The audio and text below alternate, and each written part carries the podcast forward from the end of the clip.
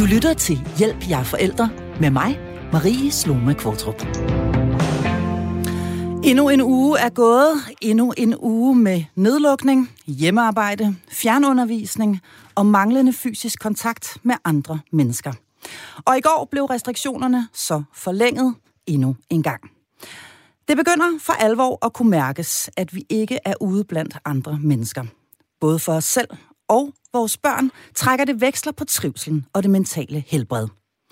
Det skal vi selvfølgelig tale om, så det her program har jeg valgt at dedikere til ensomhed. Måske mere relevant end nogensinde. For hvad er den egentlig for en størrelse? Hvad stiller vi op, hvis vores børn er ensomme? Og hvordan finder vi trøst og lindring, når ensomheden er flyttet ind? Jeg er alene her i studiet, men med mig på coronasikre forbindelser har jeg i dag to medlemmer af mit faste panel. Autoriseret børnepsykolog Marie Tolstrup, specialist og supervisor i psykoterapi med børn. Og så har jeg natkirkepræst Signe Malene Berg. Og du har som altid mulighed for at skrive ind til os undervejs her i programmet. Gør det endelig. Spørg om hvad som helst, eller kom med en kommentar. Og du sender altså en sms til 1424, hvor du starter din besked med at skrive R4. Velkommen til Hjælp, jeg er forælder. Og allerførst, Signe, set med dine præsteøjne. Hvad er ensomheden så egentlig for en størrelse? Det er den følelse, man, øh, man kan have, øh, når man føler sig helt afskåret fra tætte relationer med andre mennesker. Altså man, man ikke øh, føler sig hjemme, men, men som en fremmed i verden, isoleret fra andre, øh, ikke forbundet med andre og verden. Øh, mm. Og så vil jeg også lige hurtigt sige, at øh, jeg prøver sådan lidt bevidst ikke kun at gøre det øh, negativt, fordi øh, ensomhed øh, rummer i min optik, øh, der er det ikke en entydig sort ting, øh, men også en øh, nødvendighed i livet, som har ret meget kraft i, i sig, så den, øh, den er dobbelttydig og mangefacetteret. Øh, men altså grundlæggende det der med at føle sig ikke hjemme og afskåret fra tætte relationer med andre mennesker. Så det er den overordnede definition set med præsteøjne. Hvad med dig, Marie Tolstrup? Hvad er psykologiens definition på ensomhed? Jamen, den ligger ikke så fjernt fra sines. Altså, man taler jo om, at ensomhed er en følelse, som opstår, når ens sociale relationer ikke opfylder de behov, man ligesom har i forhold til social kontakt. Øhm, og det opstår ofte, når man sådan er alene og, og mangler selskab, men faktisk så kan den altså virkelig også godt ramme, selvom man er omgivet af, af andre mennesker, fordi det jo handler om det her med, hvis ens behov ikke bliver mødt. Øhm, så på den måde er der jo sådan altså forskel på at, at, at være alene og, og ensom, men man kan faktisk godt være sammen med andre og stadig føle sig ensom. Mm. Fordi der er jo forskel på at være alene og, og så være ensom, som du siger der. Hvad er ja. forskellen? Kan vi, kan vi komme det nærmere? Jamen det er jo lidt det her med, at, at man ikke får opfyldt det her sociale behov. Hvis man for eksempel ikke føler, at hvis nu man er omgivet af en masse mennesker, og man føler ikke, at, at man kan være sig selv, enten fordi, at man måske kan være bekymret og bange for, hvad tænker de andre så om mig, hvis jeg opfører mig som den, jeg virkelig er.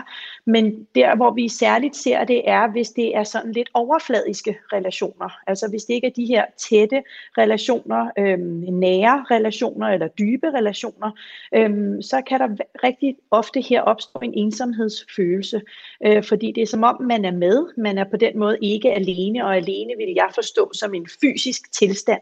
Det vil jeg ikke se som en følelse. Det er enten er man alene fysisk, eller også er man sammen med andre.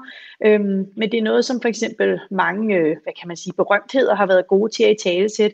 De kan godt være hele tiden omringet af andre mennesker, og næsten aldrig alene, men have et, en overvældende ensomhedsfølelse.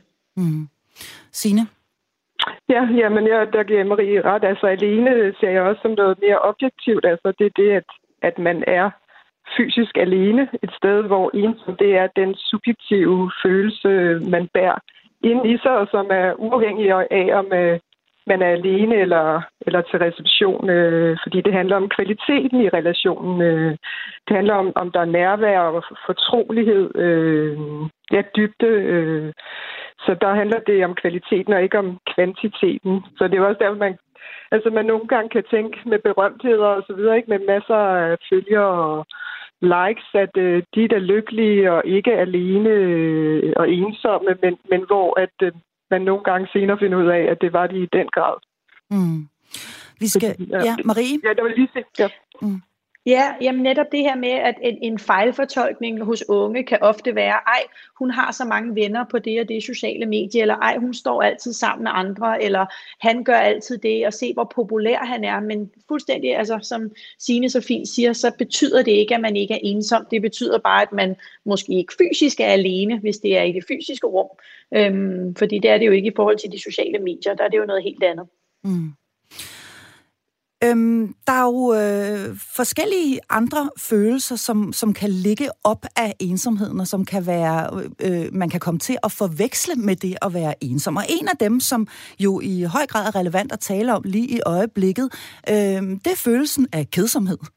altså simpelthen yeah. øh, følelsen af, at yeah. der sker ingenting, øh, og der kommer heller ikke til at ske noget lige øh, forløbig.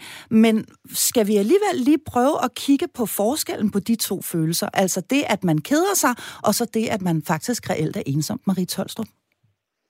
Ja, altså, og det er jo et af de der, som jeg tænker alle selv her som voksen kan få helt ondt i hovedet af. Jamen, det er sundt at kede sig og alle de her ting. Ikke? Det er sådan noget, som øh, forældre i tidernes morgen, og måske nu mere end nogensinde, kan finde på at, at sige til deres børn. Og der, der er en vis sandhed i det. Altså, man kan sige, at kedsomhed er en helt normal følelse. Altså, og når kedsomheden er bedst og i sin fineste form, fordi vi skal ikke være for uden kedsomhed, det er ikke sundt, øhm, så er det her, vi kan fordøje oplevelser, og vi kan ligesom... Øh, tænke på, hvordan dagen er gået og alle de her ting. Men når kedsomheden er for voldsom, altså så, så er det, man kan begynde at gruble eller bekymre sig, eller måske begynde at tænke triste tanker, eller blive overvældet af, at jamen, jeg er også her, og jeg er så alene. Så det er igen det her med, at der ikke må være for meget af det, men det er den her altså følelse af, at man ligesom keder sig, man har ikke noget at tage sig til, og meningen med det er ofte, jamen så sætter det noget aktivitet i gang. Enten bliver man kreativ og gør noget, øh, eller også beder man sine forældre eller venner om hjælp til, at os lave noget sammen. Og det her, den er god, det er det her med, at den ligesom kræver en modningsproces, om man vil, i forhold til, at vi udvikler os og bliver klogere på, jamen hvad kan jeg gøre, når jeg sidder her og gør det sådan. Men det kræver jo, at man har mod på at være aktiv, øhm, at det ligesom fordrer en form for motivation og lyst til aktivitet. Og når aktiviteterne så er som nu, at der er skåret ret meget ned på mulighederne, så er det klart, så skal man være mere kreativ end normalt, hvis man skal undgå kedsomheden. Mm-hmm. Sådan for meget af den i hvert fald. Ja, vi keder os hvis alle sammen lidt i øjeblikket, Signe. Øhm, hvad, vil du, øh, hvad, hvad vil du sige i forhold til kedsomhed og, og kontra ensomhed? Øh, jamen, jeg, jeg, jeg er på linje med Marie fuldstændig, øh, at, at øh, kedsomhed er sundt og godt, og hvad var det, Søren Brudstrøm sagde om sex, men, øh, men, men øh, det koster for meget. øh, men jeg vil, jeg, der er så bare gode citater med det der med kedsomhed, det der med, at det er der, man finder, finder på noget. Så jeg kom bare til at tænke på et citat, som hedder, at kedsomhed er roden til alt ånd. Mm. Øh, men der er jo så også et andet, der hedder kedsomhed og udtalt. Øh, så, så der er hele den der kreativitet, der er i det, er virkelig vigtigt. Altså, det er vigtigt at skabe kedsomhedsrum for børnene, øh, men, men igen, det, det, det skal ikke blive til grublerier, øh, så bliver det for meget. Nej. Og vi skal tale meget mere om, øh, hvordan, hvad vi stiller op med, med, med vores børn, men jeg kan sige, at øh, vi jo åbenbart rammer ind i et eller andet, fordi der kommer en hel del sms'er ind i øjeblikket, og øh, en af dem, jeg lige vil starte med at smide i hovedet på jer, kære paneldeltagere, det er denne her, som jo er noget af, af en øh, skrøne, men den lyder simpelthen kort og godt. Intelligente mennesker keder sig aldrig. Øh, hvad, vil I sige, øh, hvad vil I sige til den? Har, har, øh, har det med kedsomhed øh, noget med intelligens at gøre? Eller altså, ensomheden? Der bliver jeg jo, Ja, altså der bliver jeg jo lidt provokeret, men det er jo fordi, at jeg nogle gange varetager, så hvad kan man sige, øh, egentlig evidensbaseret IQ-test. Og der vil jeg da sige, at, at givet man kunne gøre det op sådan, det vil da gøre verden til et meget nemmere sted, men måske også et meget kedeligere sted. Men det er jo ud fra denne her skrøne om, hvis du ikke kan underholde dig selv, hvis du ikke kan aktivere dig selv, at du så altså, for dum i den øh, meget banale forståelse, fordi du ikke kan finde på noget. Og jeg synes faktisk netop, at tiden nu her beviser, at det passer jo simpelthen ikke, fordi jeg tænker, hvis man målte kedsomhed før og efter corona, og korrelerede det med IQ, jamen så vil vi da se, at der er mange flere, der keder sig nu, selvom der ikke er kommet flere og mindre intelligente mennesker til stede. Øhm, så ja, det, det er i hvert fald lidt sådan mine tanker omkring det. Mm. Hvad tænker du, Signe? Jamen, jeg tænker også, at der er en eller anden kortslutning i det, fordi vedkommende mener vel, øh, at øh, altså, vi vil gerne fremme det med at sige, at man er intelligent. Øh, altså, der, der, der det der med, at, at intelligente mennesker keder sig jo netop, fordi det er gennem kedsomheden, at der opstår nye tanker og idéer og eftertanke og så videre. Så, så øh, altså jeg vil mere sige, at intelligente mennesker keder sig netop. Øh, men altså, jeg, jeg synes, intelligens og kedsomhed har ikke noget sådan umiddelbart med hinanden at gøre. Altså, alle mennesker keder sig.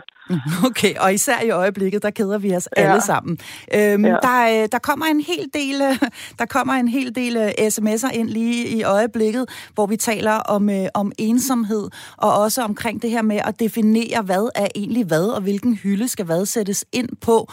En øh, anden sms, der kommer her fra Claus Frøslev, den lyder sådan her. Det hedder, ledighed er roden til alt ondt. Skulle da ikke kedsomhed. Så en, øh, et definitionsspørgsmål, måske er det i virkeligheden ledighed ledigheden, som, øh, som er, er, er hovedet på øh, sømmet. Og så kommer der en øh, del øh, spørgsmål og kommentarer ind, der handler om, om børns øh, ensomhed, og det vil jeg sige, det vender vi tilbage til om et øjeblik. Vi skal nemlig lige have defineret det her begreb, altså selve begrebet ensomhed, en lille smule mere. Og der har jeg lyst til at spørge øh, dig, Sine. Kan ensomheden betragtes som et grundvilkår for os mennesker, eller hvad?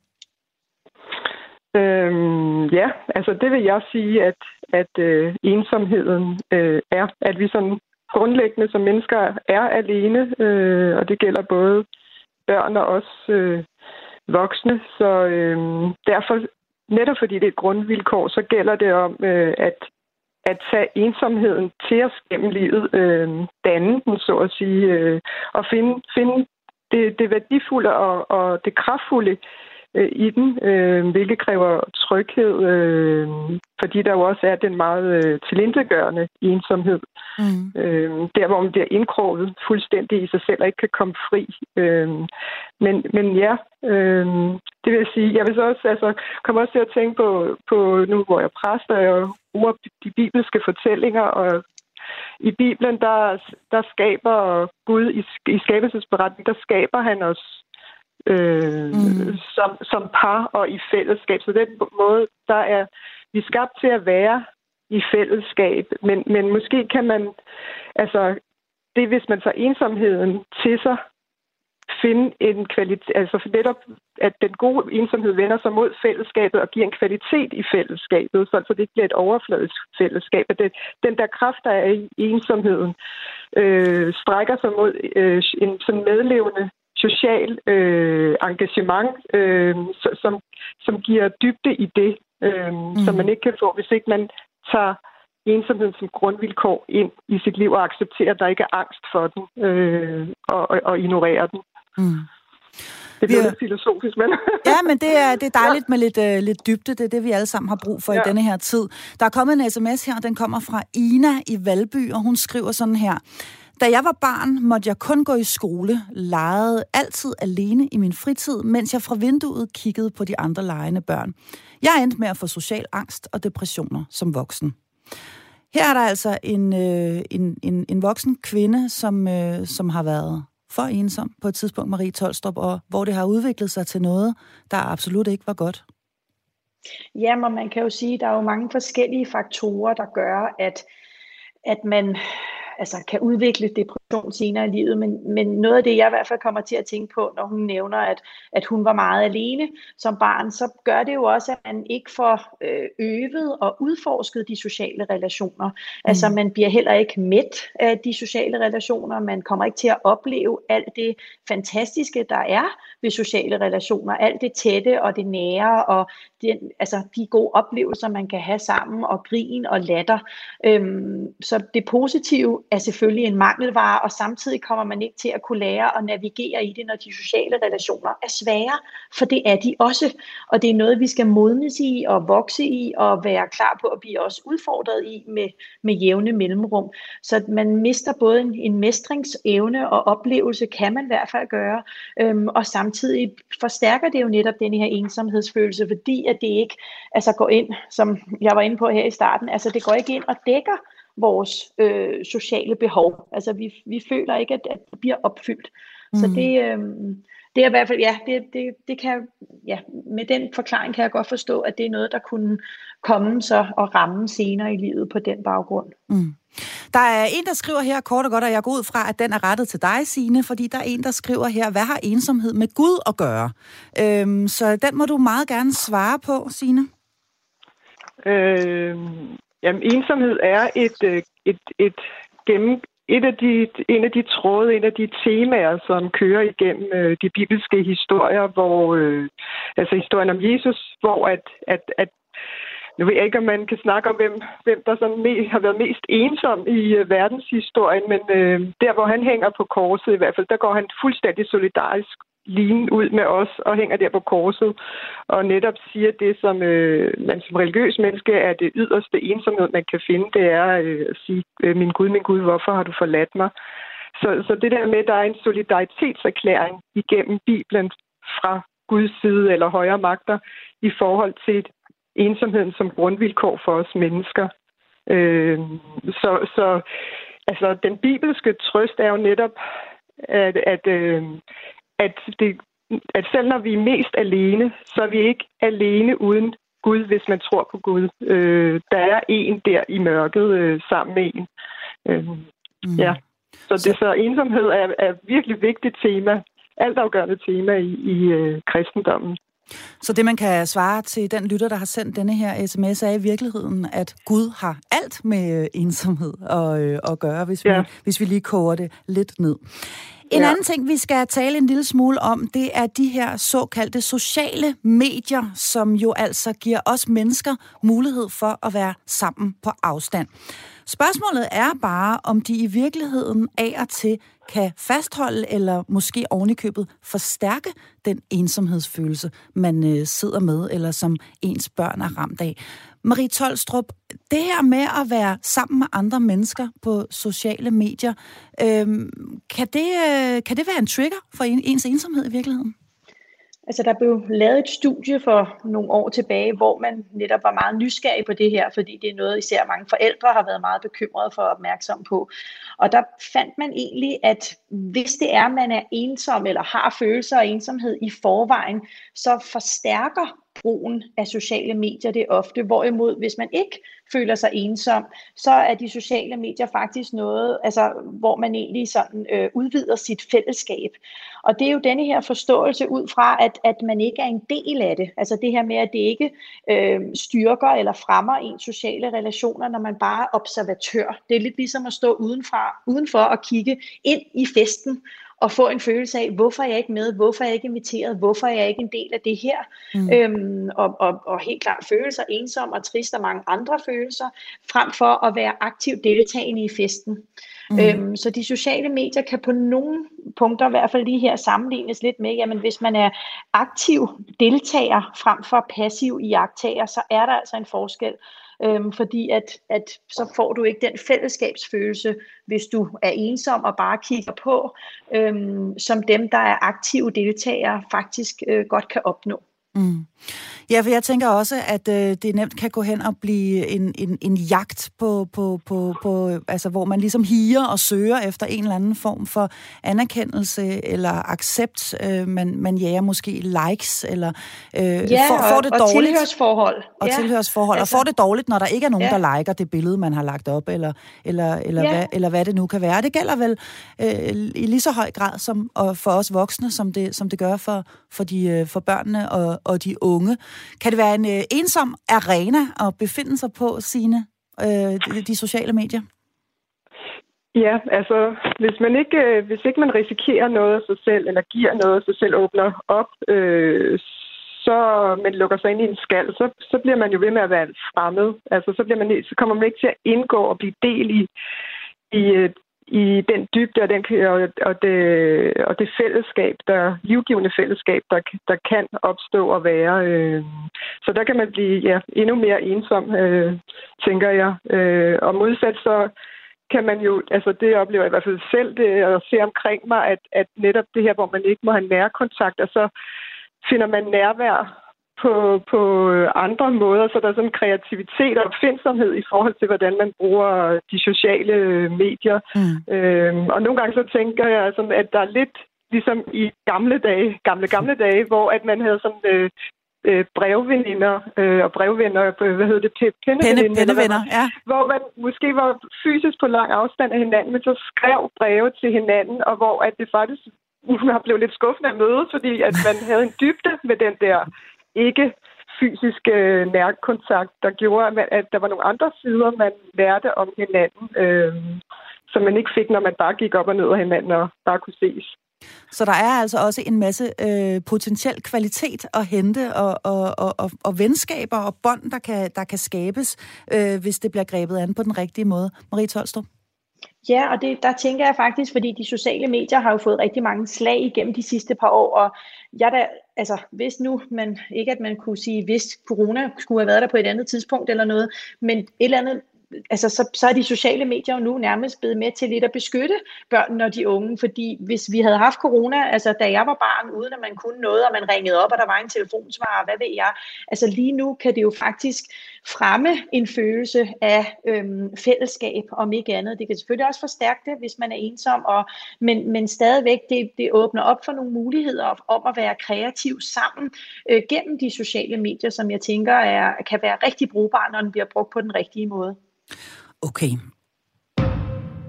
Du lytter til Hjælp, jeg er forældre. Ja, og vi taler altså om ensomhed i denne uges episode af programmet her. Og med mig på coronasikre forbindelser her ind til studiet har jeg natkirkepræst Signe Malene Berg og børnepsykolog Marie Tolstrup. Du kan fortsat skrive til os. Det gør du ved at lave en sms, hvor du skriver R4 og sender til 1424. Vi har forsøgt at definere begrebet og følelsen af ensomhed og fået den skilt ad fra følelsen af at være alene eller kede sig. Og nu skal vi så tale om vores børn. For hvad stiller vi op, hvis vores barn er ensomt? Hvordan når vi ind til barnet og fortalt med det om ensomheden? Det øh, er en øh, svær størrelse, det her, Marie Tolstrup, og jeg ved, at der nok øh, er langt flere børn og unge lige nu, som er ensomme, end, øh, end der ellers plejer at være. Er det, hvad du øh, oplever øh, der, hvor du øh, sidder i din øh, børnepsykologiske praksis, at, at, at ensomheden vinder frem? Jamen helt klart, og, og jeg vil sige ikke kun ensomheden, men, men altså mistrivsel generelt. Det kan vi også se på de tal, der begynder sådan at, at vælte frem. Øh, der er HOPE-projektet fra Aarhus, som øh, har beskrevet her, at, at under coronaen er 50 procent af unge øh, mellem alderen 18 til 34 år døjer med ensomhed. Øh, alle de forskellige sådan telefonrådgivnings øh, linjer, der findes, både Headspace og Livslinjen, øhm, altså rapporterer om øget forekomst af henvendelser blandt øh, børn og unge. Og generelt hos mig selv og, og fagkollegaer, altså det, vi får rigtig mange henvendelser, og ikke alene får vi mange flere henvendelser, end vi plejer, men de er dårligere, end de plejer at være. Øhm, så jeg var personligt rigtig glad for, at der kom en smule fokus i går på pressemødet omkring det her med, hvad er de mentale konsekvenser af denne her nedlukning. En ting er nu, men også fremadrettet, for det er bestemt noget, som vi bliver nødt til at, at, at kigge på og, og gøre noget ved. Øhm, så ja, der er helt klart øh, flere børn og unge, der føler sig ensomme. Er det noget, der bekymrer dig derfra, hvor du, øh, hvor du står, altså også på den lidt længere bane, som du siger? Øh, er, er du bekymret for, øh, for, ja, for, for den udvikling, der er lige nu? Ja, Jamen det er jeg helt mm. klart. Mm. Øhm, også fordi, at, at ikke alene er der mange af dem, men det er også det her med, hvordan får de hjælp. Fordi når når, hvad kan man sige, systemet i, i form af mig selv og altså, øh, kommunerne, psykiatrien og, og alle de her steder, hvor man kan få hjælp, bliver presset, jamen så sker der jo et skred.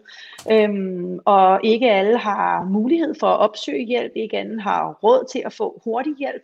Øhm, så jeg er rigtig bekymret for, for konsekvenserne, og også fordi, lad os så sige, jamen, så kommer der nogle børn drøbvis tilbage i skolen, så kommer der kan der i hvert fald opstå nogle nye udfordringer, for der er også de børn, der måske har vendet sig meget til at være derhjemme, og pludselig skal vende sig til at være tilbage i skole. Øhm, så, så det her med at åbne op, der vil vi ikke bare se en, en glædesros umiddelbart fra alle. Jeg tænker dog, den forhåbentlig vil komme, men, mm. men jeg er både bekymret for børnene, og bestemt også for alle de unge, som er på ungdomsuddannelserne, som bor alene, øhm, som slet ikke får lov til at få de fællesskaber, øh, som børnene trods alt kan have i og med, at de bor hjemme øh, og har forældre med sig og alle de her ting. Så ja, jeg er helt bestemt bekymret for det. Mm. Hvordan øh, oplever du, øh, Signe Malene Berg, at ensomheden i øjeblikket har fat også i vores børn?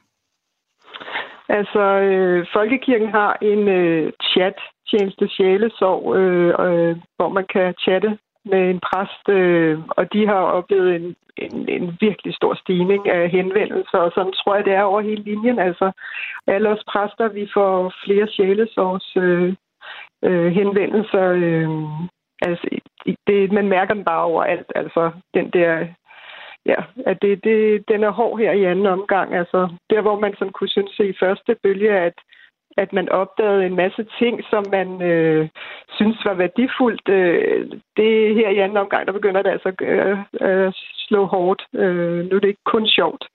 Øh, og nej, så ja, og med, sådan helt konkret med, med børn, altså de savner deres skole, i, altså så savner fællesskabet, savner at lære, og for de små vedkommende at lære at kunne gå i skole, for det er jo ikke bare det der med at få viden og læring, altså savner uden deres aktiviteter, og hvad der ellers er fritidsaktiviteter, at kunne røre sig og ja, lege mm. sammen. Mm. Vi har fået en sms her, som er en lidt længere en af slagsen, som jeg vil læse højt nu, og den lyder sådan her. Kære panel, jeg har en efterskolepige hjemme.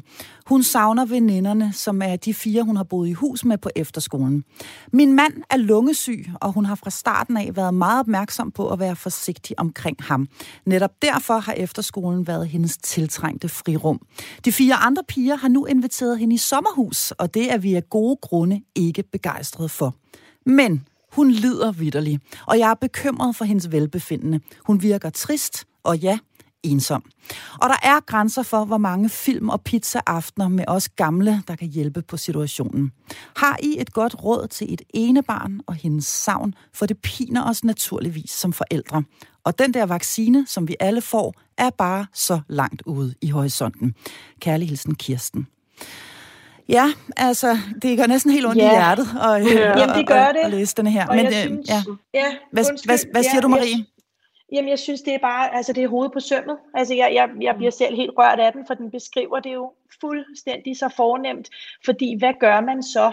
Øhm, jeg, jeg får lyst til at sige, at hun skal da i sommerhus, men det har jo, og kan jo have konsekvenser, så det er jo en svær beslutning, man skal træffe som familie og, og, og som, altså sammen med den, med den unge. Men, øhm, men det, det, det er benhårdt, og der er ikke en enkel løsning på det. Hvis man skulle være kreativ i forhold til, at hun skal blive hjemme, så vil jeg sige, så skal hun have lov at være på FaceTime non-stop.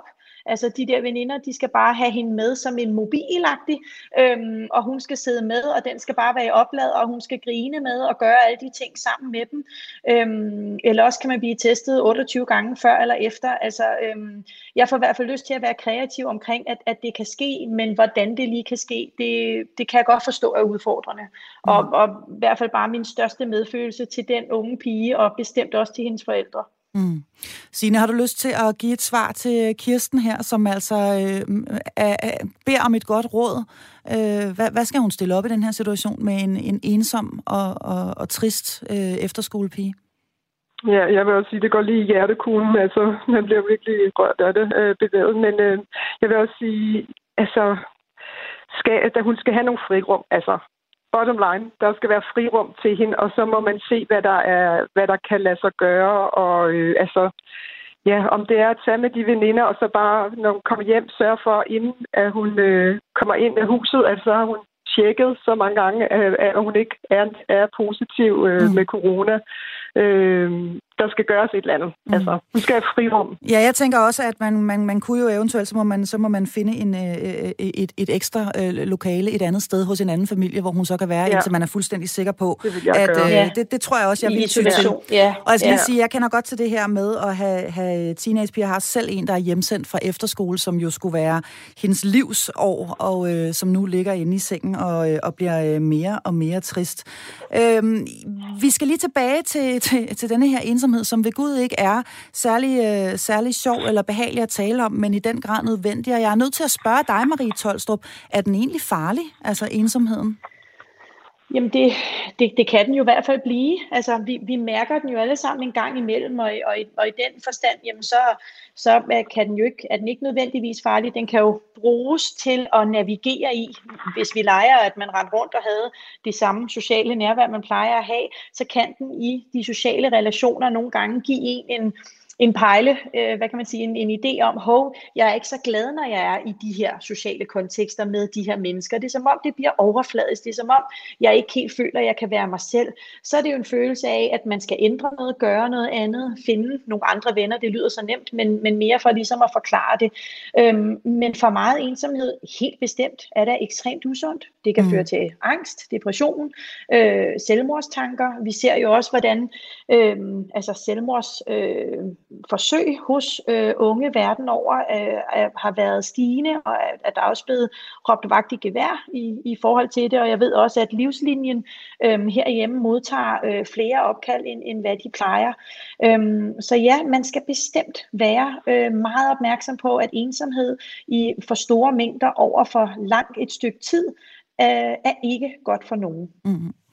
Vi skal øh, jo øh, på en eller anden måde øh, nå ind til vores børn, når vi, øh, når vi kan mærke, at øh, de er ensomme. Og det kan være svært at sætte ord på. Det kan være svært at have denne her samtale med vores, med vores barn, som vi, som vi måske er bekymret for. Hvad, hvad, hvad har vi at gribe ud efter her, øh, Signe Berg? Jeg har lyst til at spørge dig, som jo er vant til at tale med mennesker, der, der, der ikke øh, har det godt, eller som er ensomme.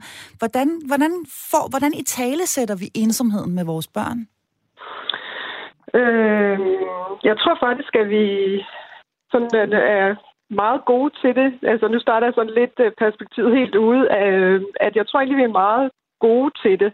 Øh, øh, fordi vi er i en kultur her i øh, de nordiske lande, hvor at øh, det er sådan en luthersk tradition, øh, hvor at at den har dyrket øh, øh, det individuelle menneske, øh, så den, det, det er på en måde dannet i at at kunne være øh, bedre i ensomheden end nok de, øh, de sydlige katolske lande. Der i hvert fald øh, har jeg hørt en undersøgelse, der viser, at der er endnu større ensomhed øh, sydpå i vores øh, øh nabolande der. Så der er noget i vores kultur, hvor vi egentlig er meget øh, gode til at, at være, være alene og også kunne måske være i den følelse af ensomhed. Øh, men, men så kommer næste led, sådan, hvor vi nærmer os, og det er sådan det der med, om vi dannede også øh, sådan i vores uddannelser og i familier og i institutionerne i øvrigt til at, øh, at kunne være alene og være ensom. Og der, der, vil, der, der bliver det måske lidt, øh, lidt sværere, om, om vi sådan øh, har dannet os selv nok i det, eller om vi har stigmatiseret ensomheden for meget. Øh, så der, hvor det kommer sådan helt tæt på, måske det blev sådan lige trillet her, mm. men der er det, at, øh, men det er fordi, vi er jo indfældet i en kultur, hvor vi hvor vi egentlig godt kan snakke om at være ensom, ligesom vi gør her i dag. Øh, øh, og der er en masse fortællinger. Altså, vi har Astrid Lindgren, alle hendes øh, børnefigurer. Det er, jo, det er jo ensomme børn, men de er jo ikke nødvendigvis triste børn. Øh, Pippi Langstrøm, øh, øh, øh, hvad hedder han, et Svebak i, øh, hvad, hvad den hedder? Brødre Løvehjerte. Brødre Løvehjerte, mm. og Nive er ensom, at øh, Ronja Røvedatter, øh, de er alle sammen, og Pippi Langstrøm, de er alle sammen øh, ensomme. Så sådan noget med at, at, at give, give rum til den ensomhed, hvor at den bliver frugtbar øh, ind i fortællingerne. Øh, altså der er Palle alene i verden, det er også en fantastisk fortælling. øh, der er bibelfortællinger, Jonas i valen, altså det, det, der kan man da tale om ensomhed at være helt alene inde i en vals øh, bu. Øh, så bruge fortællingerne til at give plads og tone til den ensomhed, sådan så man ikke fornægter den, men at den ikke får lov til at stå alene, men får perspektiv og får skabt, kommer ind i et større rum. Øh, det synes jeg er vigtigt. Så det er ikke sådan måske nødvendigvis, men det ved Marie mere, om, at man ikke nødvendigvis skal snakke sådan, nu skal vi snakke om ensomhed og din ensomhed, men man er ligesom, man laver en ramme mm. til, at den kan være inde i det. Øh, ja, og som sagt, så synes jeg bare, at vi har en tradition, der, der er god til det, som ikke på den måde nødvendigvis øh, stigmatiserer den. Okay, Marie Tolstrup, hvordan, ja. øh, hvordan når man ind til det øh, ensomme barn? Altså sådan helt konkret som forældre? Jamen i de bedste tilfælde, der især de lidt mindre børn, der begynder de jo at, at sige ting som, ej mor, jeg føler mig så alene. Og så er det jo vigtigt, at man ikke bliver sådan kulerende og sådan, nej, nej, jeg er lige her, du er ikke alene. Altså så er det som et tegn på, at de nok føler sig ensomme, vil jeg sige. Og så ligesom, altså Signe er inde på, så taler man om det, men man taler også om det, hvad kan man sige, konstruktivt i forhold til især de små børn. Altså nu tænker jeg på børn øh, sådan 10-12 år og nedad. Altså der skal man hjælpe dem med, okay, hvad har du lyst til at lave? Man skal simpelthen hjælpe dem med at sætte i gang, øhm, og man skal hjælpe dem med at, altså, nogle forskellige ting. Altså der ved jeg, at vi kommer ind på nogle råd senere netop i mm. forhold til det. Øhm, men man må gerne i talesætte det, men man skal virkelig passe på, hvor meget man i talesætter det, men man må også godt være anerkendende i forhold til, jamen ved du hvad, det kan jeg også godt føle mig nogle gange, fordi det er jo normalt. Altså den vil være der nogle gange. Øhm, så anerkend den, tal om den, men sørg også for at være konstruktiv og hjælpsom i forhold til at komme videre. Øhm, og det gælder selvfølgelig også med de større børn, men her kan man godt nogle gange tale lidt dybere med dem om, hvad er det, der sker? Er der noget bestemt? Er det ligesom, så der kan man bedre vende lidt tilbage til det og spørge, hvordan går det egentlig med de der tanker, du har, og den følelse der ensomhed. Mm. Så det vil jeg sige, der kan man spørge mere ind og uddybe mere med de større. Mm. Vi har fået en øh, uh, sms her, den kommer fra Bendix Søgaard, og den lyder sådan her. Ensomheden føles af ældre og yngre. Nu har børnefamilier fået den gave at kunne sætte sig ind i og opleve, hvad manglende social og fysisk kontakt kan betyde. En læring om at være opmærksom på de yngre som de ældre familiemedlemmers livssituationer. Man har en pligt til at være opmærksom på andres ensomhed. Tiden afslører nok den individbaserede selvtilstrækkelighed, der har afskåret generationerne hinanden. Lad os lære af det. Så et øh, lille indspark her fra Bendik Søgaard om, at vi måske fremadrettet skal være endnu bedre til at være opmærksomme på hinandens øh, ensomhed. Så det var meget øh, fint skrevet. Jeg, øh, vi skal lige tilbage til denne her ensomhed. Jeg har egentlig lyst til at spørge dig, øh, Signe Malene Berg, som, øh, som jo altså er øh, præst. Må vi være vrede på den, den her ensomhed? Fordi den er jo altså, øh, den, den, den er jo til tider ubehagelig. Øh, ja, for pokker, så at sige. Og jeg tør godt sige pokker, fordi hvis du læser i Bibelen, så er der, så får, bliver der ikke lagt fingrene imellem fra, fra dem, der råber og skriger til Gud over, hvorfor nu skal jeg tale pænt, i alverden han har skabt øh, den situation, man er i, hvor man er ensom, er der masser af eksempler på, og alle, altså man føler sig som en orm, og man har ingen venner, og så videre, og den får ikke for lidt. Så hele det der med at kunne komme ud med det, i stedet for at det sætter sig inde i en som sådan en, en, en, en, en stivnet klump. Øh, så ja, det skal, den skal få pokker derud. så vi må gerne være vrede på øh, ensomheden. Ja sparke til træer, og de kan tåle det. Er det en god idé, Marie Tolstrup, at lade vores øh, børn være øh, skid vrede, for at sige det lige ud, på denne her forbandede yeah. ensomhed, som har snedet sig ind på langt de fleste af os i øjeblikket? Jamen, og, og måske kunne man nogle gange sætte ord på den som corona. Altså især hos de små, ikke? Altså herhjemme bliver der da jævnligt råbt død over corona. Jeg hader dig, dit møgsvin. Og det er ikke fordi, at de får lov til at bande normalt, men vi har faktisk lavet en regel om, at når det kommer til corona, så må man godt bande. Okay. Og, øh, og, det, altså det, og der synes jeg netop, at det er også lidt af det, vi er ude i. Prøv at skabe noget, noget lidt andet omkring det. Altså i, i forhold til, at der er visse områder lige for tiden, hvor det er okay at være måske en smule upassende. Så både ensomheden og corona, og hvis jeg havde en kniv, ville jeg stikke corona ihjel, hørte jeg et andet barn sige forleden. Og det er, jo, det er jo en så fin måde at beskrive det på, for det er jo det, vi godt kan genkende. Altså jeg tror, hvis corona var en person, der vandrede rundt, så ville øh, han eller hun virkelig ikke have et særligt populært liv lige nu. Vel? Så det er det her med at ligesom, øh, ja, det, så ja, det må man da bestemt. Der var, jeg hørte også en familie, der var ude i skoven en gang om ugen, hvor de bare skreg. Altså, hvor de ligesom bare stod og skreg om kap om. og det, det synes de både var sjovt, men egentlig også lidt rart. Så der er mange forskellige måder at være kreativ omkring vreden på, men den skal man da bestemt øh, have lov til at have i de her tider. Så øh, skæld ud og øh, skrig og råb alt det, man øh, overhovedet har lyst til, og, og, og måske ovenikøbet købet sammen som øh, familie. Vi, øh, vi skal lige have en, øh, en, en, en sidste øh, definition øh, sådan helt på plads, når vi taler om vores børn og vores unge, som øh, vi jo er rigtig mange, der er, er, er bekymrede for i øjeblikket. Fordi, Marie Tolstrup, hvordan øh, skældner vi egentlig øh, ensomhed fra depression? Altså, hvor, hvornår er det, at vi skal tage affære og sige, nu, nu er mit barn altså så, så ensomt og har det så skidt, at, øh, at nu skal der gøres et eller andet? Man kan sige, som udgangspunkt handler det jo altid om, når vores børn begynder at opføre sig anderledes, end de plejer. Man kan være sådan helt konkret at sige, når barnet trækker sig, hvis barnet bliver mere irritabel, end det plejer at være. Øhm, hos små børn, der ser man, altså i forhold til depressive symptomer, ofte, at de bliver mere irriteret og vrede og frustreret. Øhm, men denne her tilbagetrukkenhed er noget, som i den grad også ses hos, øh, hos de unge. Øhm, og så virkelig kigge på det der med, jamen holder de op med at gøre de ting, de har prøvet at holde sig gang med. Altså trækker de sig, ligger de på værelset, mangler energi, mangler motivation, øhm, er flade, hvis man kan sige det sådan. Og så vil jeg altid anbefale at bruge nogle af de gratis altså, linjer, man kan ringe til i forhold til at blive klogere på det. Øhm, altså både Angstforeningen, OCD-foreningen, Headspace, Livslinjen, der findes masser af steder, hvor man kan få noget telefonrådgivning, hvis man som forældre er i tvivl. Øhm, og også som ung. Og så altså, jeg vil, det vigtigste er at søge hjælp. Hvis du er i det mindste i tvivl, både som ung og som forældre, så søg hjælp og find ud af det, for hellere at spørge for tidligt end for sent. Mm. Vi skal se mange flere gode råd lige om et øjeblik. Du lytter til Hjælp, jeg er forældre.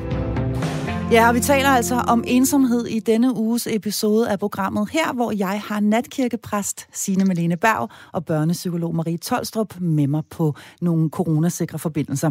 Og du kan stadig skrive ind til os, det gør du ved at sende en sms til 1424, hvor du starter med at skrive R4. Ligegyldigt hvor robuste og ressourcestærke vi mennesker er, så kan vi alle opleve at blive overmandet af ensomhed. Og i en tid, hvor afstanden til andre mennesker efterhånden er blevet permanent, og hvor vi forpupper os i vores egne små bobler derhjemme, ja, så er den måske mere end nogensinde relevant at tale om denne her ensomhed. Men hvor henter vi trøst? Det skal vi tale om nu. Og Signe, jeg ved, at du altid er god for nogle øh, trøstende ord. Hvad, hvad, hvad vil du give til dem, der lytter med, og som synes, at det er en svær og ensom tid at komme igennem? Ja, jeg har jo et helt arsenal, en helt kuffert, jeg kan åbne her. Øh, Gør det. Øh, og, jeg, og, jeg har, og jeg har det så også sådan, at når det er sådan øh, store følelser, som, som vi snakker om her, så skal man også være meget varsom med at bruge de store ord, fordi det kommer til at lyde hult og øh, og hvad ved jeg om det, og så videre, ikke? Altså sådan, mm. hvor det, det, det netop bliver ord, man ikke kan bruge. Øh. Men altså nu, nu øh, er vi her, hvor vi nærmer os øh, det, der hedder kønnenisse, som markerer, at vi er halvvejs gennem vinteren. Så det der, at, at vi lever i et land, hvor man heldigvis kan se årstiderne skifte. Og lige nu, der er alting dødt, øh, øh, også i naturen. Øh, mm. men, men lyset, det der med at stole på, at lyset, det, at det kommer igen, øh, det er jo på vej.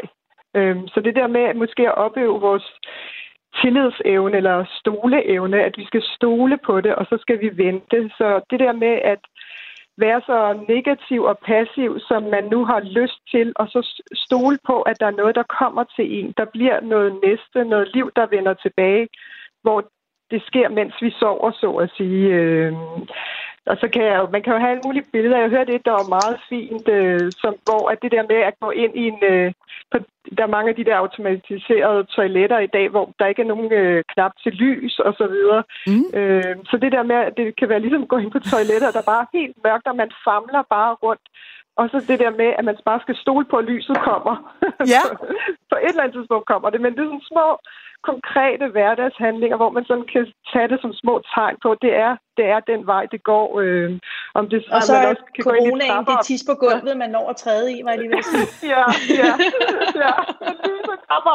Og, og så det der med at prøve at være give de små tegn, altså den der siger stol på det og hjælpe hinanden, altså øh, sådan kigge, altså smile til hinanden øh, fra mundbind til mundbind og, og, og være opmærksom det, som lytteren før skrev ind, ikke? altså de der små opmærksomhedshandlinger til hinanden, fordi vi alle sammen er i samme samme båd, og der er ikke nogen af os, der kan, der kan gøre, handle os ud af det. Øh, vi må bare vente på, at det lysner. Mm. Marie Tolstrup? Jamen, nu får jeg lyst til at sige, nu er jeg jo ikke, det ved du jo, Signe, særlig religiøs, men hvad er det, mm. øh, vær god ved din næste, eller hvordan er det, den hedder? Fordi altså, det her med, altså, jeg får lyst til at sige død over coronaskam. Altså, jeg synes, det er noget af det, der faktisk er med til at gøre folk endnu dårligere. Det er det her med at blive udskældt i forhold til, at man kommer til at gøre noget forkert. For min opfattelse er helt klart, at, at altså, folk gør virkelig deres bedste.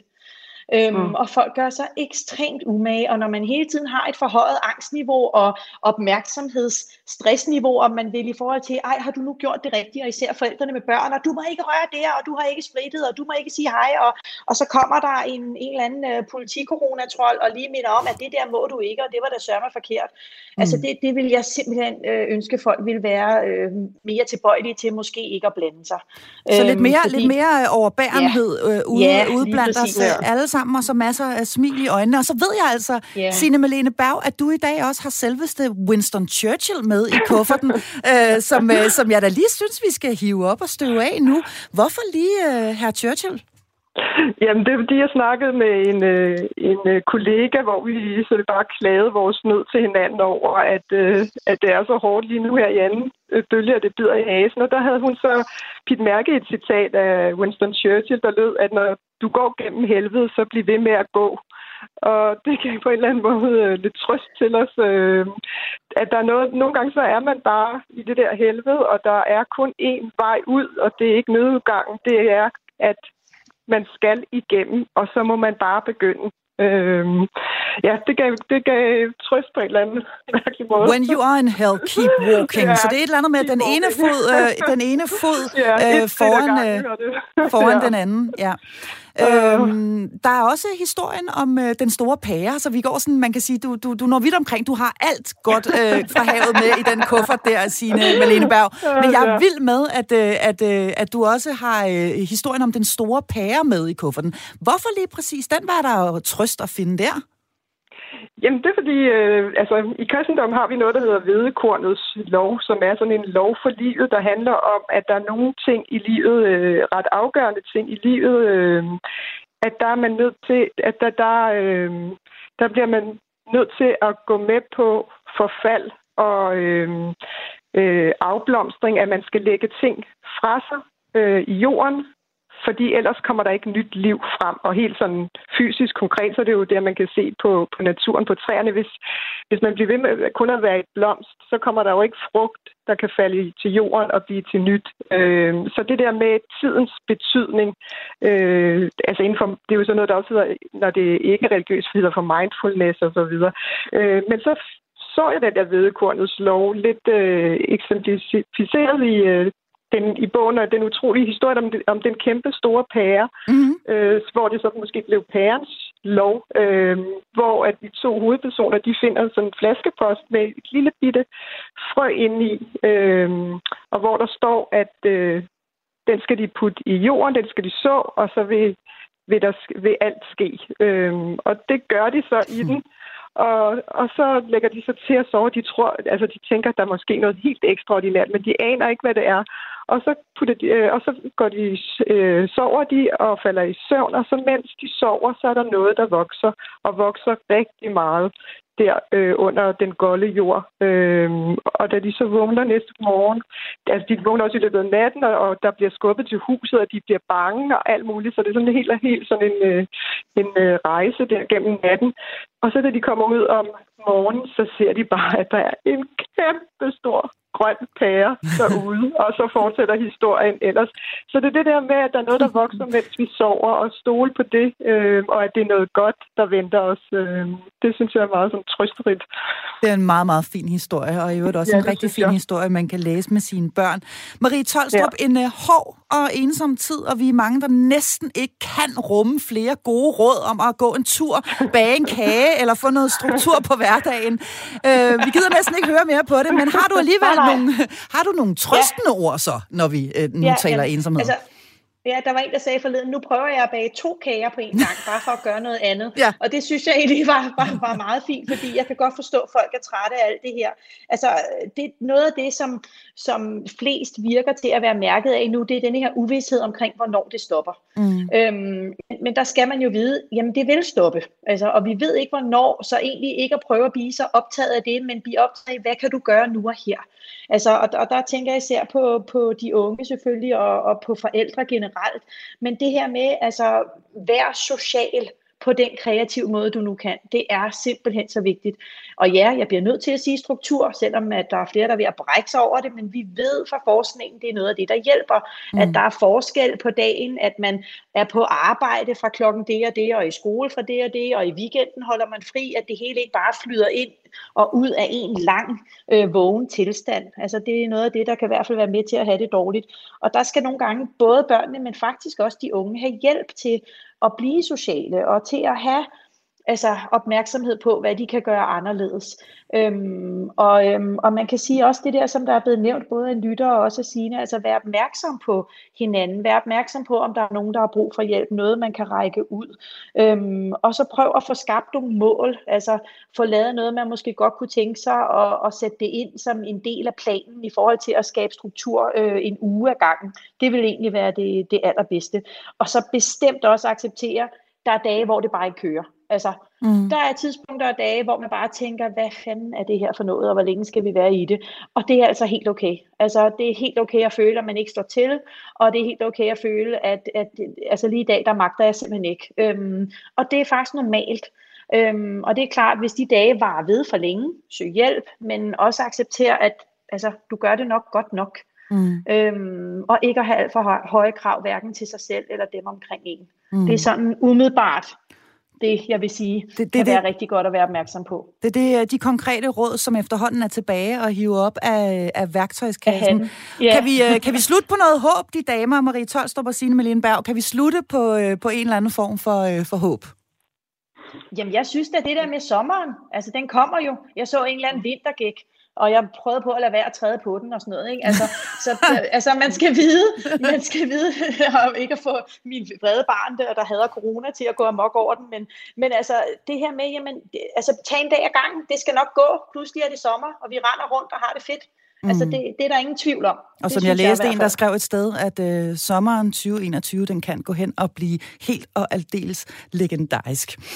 Godt, jamen altså, ensomheden er en følgesvend for de fleste af os, så vi skal ikke umiddelbart være bange, når den nu stikker sit ansigt frem, selvom det kan være grimt. Og så slutter vi jo altså her på øh, noget håb, for foråret det kommer, og mens vi ligger og sover, ja, så vokser der måske noget. Måske en kæmpe stor pære, hvem ved, ved i hvert fald et eller andet rigtig, rigtig godt. Det må vi tro på. Vi kommer ud i blandt hinanden igen, og det bliver så dejligt. Jeg har kun tilbage at sige mange tak til de to faste medlemmer af mit panel, som i dag hjalp mig med at sætte ord på ensomheden. Det er børnepsykolog Marie Tolstrup og natkirkepræst Sine Malene Berg. Tak til dig, som skrev ind til os undervejs, og tak til dig, som lyttede med. Baby, jeg ved godt, du er ensom. En, som jeg godt kan lide. Og drengene vender sig helt om. Hver gang de ser, du går forbi. Jeg ved, du får mange likes, og det synes jeg er sejt. Baby, det er derfor, jeg følger dig vil du ikke nok følge mig? Eller skriv en kommentar, så jeg ved, at du er klar. Dit like må betyde, at du elsker mig. Ved du godt, at en plus en, det giver to? Baby, du ligner en, der er ensom. Ensom, jeg godt kan lide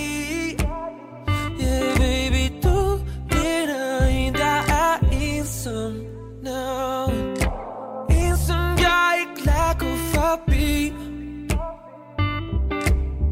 Baby, jeg ser dit ansigt, det er overalt. Du poster selfies konstant. Alle dine veninder, de har fortalt mig, at du er ensom. Kan det være sandt? Jeg ved, du får mange likes, og det synes jeg er sejt. Baby, det er derfor jeg følger dig. Vil du ikke nok følge mig? Eller skriv en kommentar, så jeg ved, at du er klar Dit like. Må betyde, at du elsker mig. Ved du godt, at en plus en, det giver to?